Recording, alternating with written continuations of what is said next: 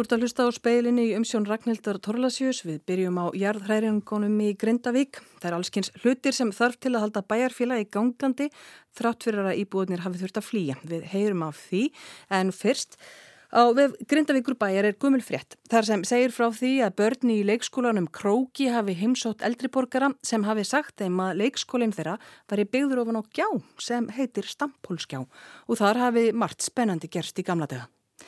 Þetta blasir dálítið öðruvísi við í dag. Þetta var fyrir nokkur árum áhugaverður fróðleiksmóli en er í dag hallkaldur veruleiki. Ástarut Hjartardóttir Jærðaðilisfræðingur hefur rannsakað sprungur á Reykjaneskaga. Ég spurði hann út í stóru sprunguna sem gliðnaði í gegnum Grindavíkum helgina og gliðnar enn. Sprungan sést á loftmyndum frá sjötta áratögnum. Þessi sprunga, hún var sem sagt þekkt. Hún var þekkt áður Það er náttúrulega sprungur víða á Reykjanesi og þetta var svona eina þeim sem var þekkt, já. Fólk er svolítið brúði við það að sjá að, að það er sprunga svona alveg bara beint í gegnum byggð og, og það eru hús sem að hafa verið byggð ofan á þessari sprungu. Er það víðar raunin? Já, ég nú grunnu það, það getur verið víðar raunin en það náttúrulega er sprungið víða þannig það er stundum alltaf erfitt hérna á Reykjaneskaganum og sömu stöðum að byggja. Það hefur nú haldið slisa stundu til að að hús hafi verið byggð ánum sprungum, já. Er nú er talað um að það hafi myndast bara inn í bænum, inn í Grindavík, sig dælt. Getur þú útskýrt það fyrir okkur? Hvað er það? Þetta er svona landsvæði, það sem að hefur síð og þarna hefur síð um eitthvað svona cirka 1 metra hinga til. Þetta er fyrirbæri sem að gerist oft fyrir ofan svona kvikuganga. Þá sígur landi þarna fyrir ofan og það eru svona sprungur sérstaklega á jöðrunum. Svona sikkurum megin við þessa dælt. Og það er einmitt það sem við kannski sjáum eiginlega einna stærstu sprunguna þarna í Grindavík að hún er svona mörkin, eistri mörkin í rauninni á þessari sigdæld sem að myndast í Grindavík. Undirbyggð? Undirbyggð, já. Þetta er svona svipað og sömur kannski muna eftir í hólur hreini að það myndaðist svona gangur og maður sá bara sigdal myndast. Þetta er sveipað og gerist þar og þetta er líka sömulega sveipað og gerðist í kröplueldum. Þá komu 20 kvikugangar Tveir þeirra náðu allir einu norður í keltukverfi. Þannig að þar var fólk sem að bjóði mitt líka bynd ofan á kvikugangi og svona sigdal. Og svo bara náttúrulega kláraðist það á þeim bæ og þar býr fólk bara enn. Þannig alltaf leið með það núna. Eru ummerki um það að Grindavík sé byggð í svona sigdala? Þetta hafi gerst þarna áður? Já, það eru ummerki um það. Það að þessi sigdalur hafi svona kannski, sprungur allavega í kringum, hann hafi verið þarna til áður hafi gerst fyrir 2400 árum eða eitthvað svolítið. Já, já, það var, þetta líklega, gæti líklega tengst þarna sundnjúka gósprungunni sem er þarna fyrir norðan, Grindavík. Það er líklegt að það tengi saman. Hvað getur svona sig mm. sem er orðin núna, þetta heldur áfram, hvað getur það staðið lengi? Það er dálítið erfitt að segja. Það sem að virtist vera í þessum kröpluatbörðum, þessum kvikugöngum sem voru þar, að það var eitthvað mismunandi ég myndi segja ykkur að vikur sko, alveg, þetta getur alveg verið eitthvað þannig. En það er bara raunin erfitt að segja. Við það er bara, það er verið að mæla þetta mjög vel og þá er náttúrulega bara reynilega hægt að sjá þetta, hvernig er þetta hættir. Sko að meðan það kvikan þá streymin í þann gang að þá er alltaf reymingu, það er alveg klárstmál Já, þau eru svona grund. Síðan ef að það hættir að streyma inn í kvikugangin það má samt búast við áframhaldandi reyfingu í eitthvað tíma, er það ekki eða hvað? Já, það er svona allavega þetta, það er svona kannski það grinst í partunni sem tíma til þess að storkna. Áhætt að minka nú svona, er þetta að segja, fljótlega eftir að, að, að þetta hættir sko, þannig að þá náttúrulega minkar svona líkunar á því að við erum alltaf mest trættust við það ef að þarna meðan þetta er ennþá að kvika að flæða inn, þannig þá náttúrulega er alltaf þrýstingur og, til þess að reyna að koma sér upp á yfirborð, þannig að þetta er alltaf erfitt svona og sérstaklega þegar þetta er svona grund, þannig að þetta er svona nánast eins og einhver pottur það sem er að nánast að sjóða upp úr og maður er bara vonast eftir að sjóða ekki upp úr. Ég meina að það besta sem getur gerst er að það gjósi ekki. Já. En sko setjum sér svo að það verður raunin að það gjósi ekki. Mm -hmm. Að þá horfið fólk samt fram á margra vikna óvissu tímabilir það ekki um það hvenar bara hægt er að fara að gera eitthvað. Já, það er allavega einhverja viku líklega sem þarf aðeins að býða og kannski að sjá eitthvað. Þarna, en það er náttúrulega að byrja skipulegja hvað á að gera. Og það er náttúrulega lítur alltaf að vera byrjunin í svona, varandi alls konar lagnir og hitt og þetta, byrjaði að skipulegja maður bara vonar þetta fari á besta veg. Já. það er nú eiginlega bara það. Þú ert ekki bara gerðeilsfræðingur þú ert líka björgunarsveitakonna Jú, það er rétt. Varst í Grindavík? Ég var í Grindavík, já, ég er búin að vera ég var í Grindavík þarna nóttina þegar það var rýmt. Og ég er búin að vera í, já, já, í svona þar. Hvernig, bara svona út frá sjónarhóli, jærðæðilisfræðings, hvernig blasir þetta við þér? Já, stór spurning. En þetta er náttúrulega bara stór atbyrður. Þetta er mjög stór atbyrður og náttúrulega óheppilegt að þetta fari akkurat þarna. Við vorum búin að vera svo heppin með faradagsfjall. Þetta er náttúrulega afskaplega erfitt mál, sko. Og er, það er svona erfitt að, að horfa upp á þetta en eins og ég segi, ég er bara, ég er að vonast eftir því að þetta sé allt Það er það sem maður er svona vinnilega vonast eftir. Það verði ekki verið en þetta. Það verði ekki verið en þetta. Já, nógu nú samt. Nógu nú samt. Um, er eitthvað sem að kannski þú getur sagt að núna þið finnist blasa við að sé þurfi að gera eða sé eitthvað lærutómur af þessu? Ég er nefnilega grunu það að þarna megi svona finna mikið lærtóm og ég held til dæmis að það að skoða hvaða áhrif sprungurhefingarnar hafa haft á húsin, hvort það séu bara þau hús kannski sem að liggja þvert yfir sprungur, það sem að skemmtin hafa orðið mestar eða hvað, þess að við getum lært að við hvernig við getum eiginlega búið með náttúrinni. Þannig að já, ég held að það sé mjög mikill lærtumur sem við getum fengið út af þessu. Þannig að þeir eru verið að skipuleika byggð á svæðum þar sem eru sprungur, já. að það þurfa ekki endilega að forðast þau svæði alveg en það þurfa einhvern veginn að byggja í kring? Eða? Já, já það, það þarf ekkert með eina læra að lifa með þessu af því að þetta er bara staðrindin að það eru stór hluti svæða hérna sem að til dæmis bara eiginlega austurluti höfuborgarsvæðisins að þá þegar við komum rétt austan við það, eða austurlutunum er rétt austan við að þá eru við komin inn í sprungusvæði og náttúrulega nú er náttúrulega höfuborgarsvæði alltaf að stekka og slikt og það er bara lengið hvernig getur við búið með þessum sprungum. Þegar þú segir austurluti höfuborgarsvæðisins. Við erum að svona kannski tala um eins og þarna öryðaholtið í, í Garðabæ. Það er nú bara svona utan eða svona í aðrinum skulum við segja. Uh, Norlíkaholtið. Norlíkaholtið er rauninni byggt á sprungusvæði sko. En það var hannað með það í huga. Þannig að það er áhugavert þar til dæmis að þá er þetta gangstjættar og svoleiðis það sem voru kortlaði sprungur. Það var röðu sérstaklega þannig. Seti helst húsin ekki ofan á sprungunum heldur bara eitthvað svona sem mætti fyrir ekki að fara. Það er eitt sem að ég ger ráð fyrir að íbúar í vógum sé að hugsa um, meðal annars íbúar í vógum en kannski Já. ekki sístir búa þeirra á sprungum. Ný reynin eiginlega ekki. Þeir eru rétt fyrir utan. Þetta var ástarut Hjartadóttir Jarðælis fræðingur og Björgunarsveitakona en hingað í hljóðverðar komin Þorstedt Gunnarsson, borgarítari aðstíð embætsmaður Reykjavíkuborgar. Borgarinn er náttúrulega eins og fleiri sveitarfjölu að reyna að vera grindvikingum innan handar. Velkomin Þorstedt. Takk. Þú ert vestmanningur, þú þurftir að flýja þegar þú varst hvað sjóra, var það ekki? Jú, ég er góðsynni 73. Já, og eiginlega líka grindvingingur, þú bjóst þar og, og starfaðir í stjórnsíslunni og auðvitað með að setja þig í sporðina gamlu félaga. Stjórnsísla grindavíkur er komin inn í Ráðhúsreikjavíkur. Hvaða verkefni býða fólks? Já, uh, Reykjavíkuborg ákvaða að bjóða þeim strax að koma þannig öll plási við höfðum. Þeirra býður æri verkefni.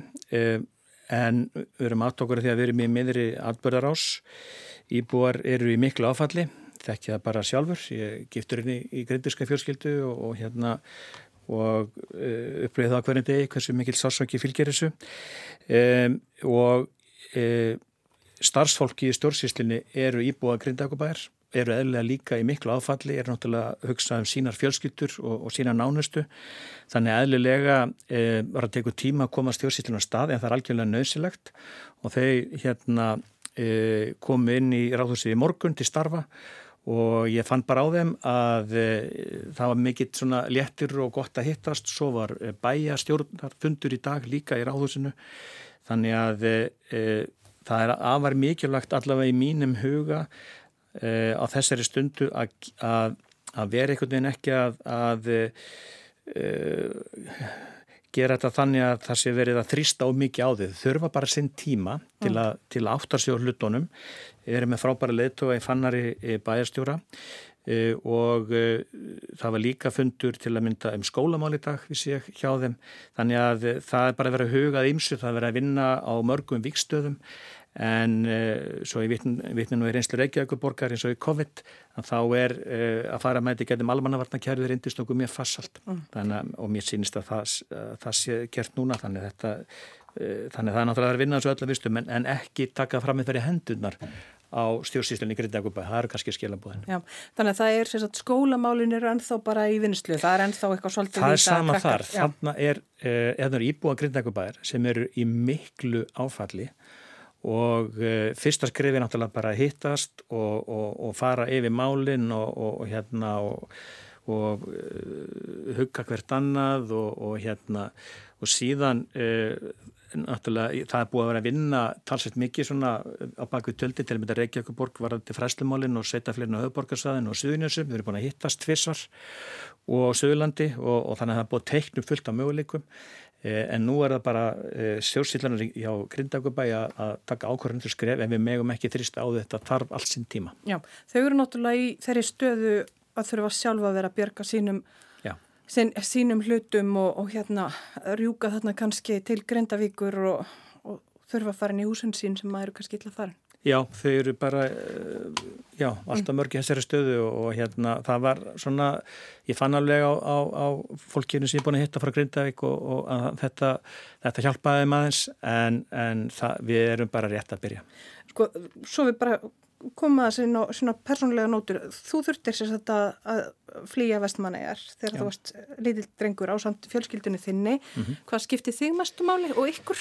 Eh, það skipti mestu máli að, eh, að eh, hitta aðra vestmannega og, og Reykjavíkuborg gekk fram með fyrir skjöldar sínum tíma og buði vestmannegum hafnarhúsið sem var svona upplýsinga á samkomu miðstöð í gegnum gósið, það var líka bæðistjórn og þannig að það skiptir gríðarlega miklu máli að, að, að búa til þann, þann vettvang fyrir kryndinginga. Mm -hmm. Það er náttúrulega kannski skólatnir hafa einhver leiti það hlutverk en það er komin einhver hugmynd að svona samkomist að núna Já, e, jú, það stefnir allt í það að gamla tóttlúsi við tryggagötu verði vettvangurinn e, fyrir e, þá svona upplýsinga miðstu og þanga sem að Grindingingan geta komið, þetta er stort og mikið húsnaði, ykkur 12.000 fermetrar og það er nánast aukt held ég. Já, þetta, þetta er gamla tóllhúsið sem mm. er með mósækverkinu mm -hmm. og, og hérna kóla, þetta er fyrir ofan kólaportið, svo við svona útskýrum það. Já. Er eitthvað að vita hvenar það verður tilbúið? Nei, nei ég, ég veit, það, þetta er náttúrulega eigur ríkisins, þannig að almannavarnir eru bara skipulegja þetta. Já.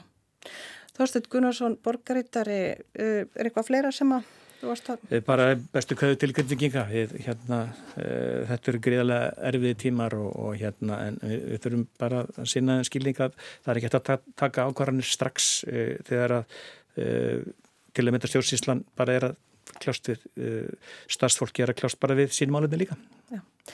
Þorstedt Gunnarsson, borgarittari í Reykjavík og Borg, takk fyrir komuna í speilin Og þá ætlum við aðeins að huga að öðrum málum því að lofur þjóðaheims um að draga úr kólefnislósun á þessum áratug eru langt frá því að standast að mati sérfræðinga sammenniðu þjóðana í loftslagsmálum og það er útlitt fyrir að þetta ár 2023 verði hitt heitasta í sjögumannkens.